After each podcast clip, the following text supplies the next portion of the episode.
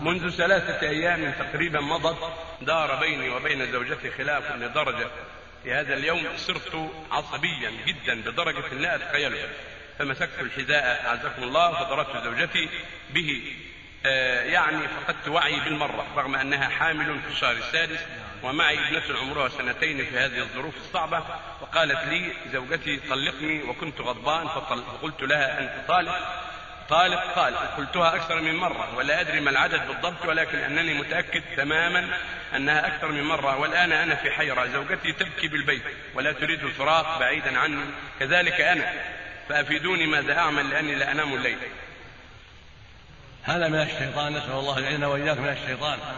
كان الواجب عليك التثبت وعدم العجلة في الأمور والإستعاذة بالله من الشيطان. لا هذا يحتاج إلى أن تأتينا في البيت إن شاء الله غدا ننظر الأمر. أو يوم السبت ذلك لا بأس. ننظر الموضوع مع معك ومع المرأة وليها. لابد من النظر في الموضوع كيفية الواقع. إن شاء الله ولا يحصل إلا الخير. نعم.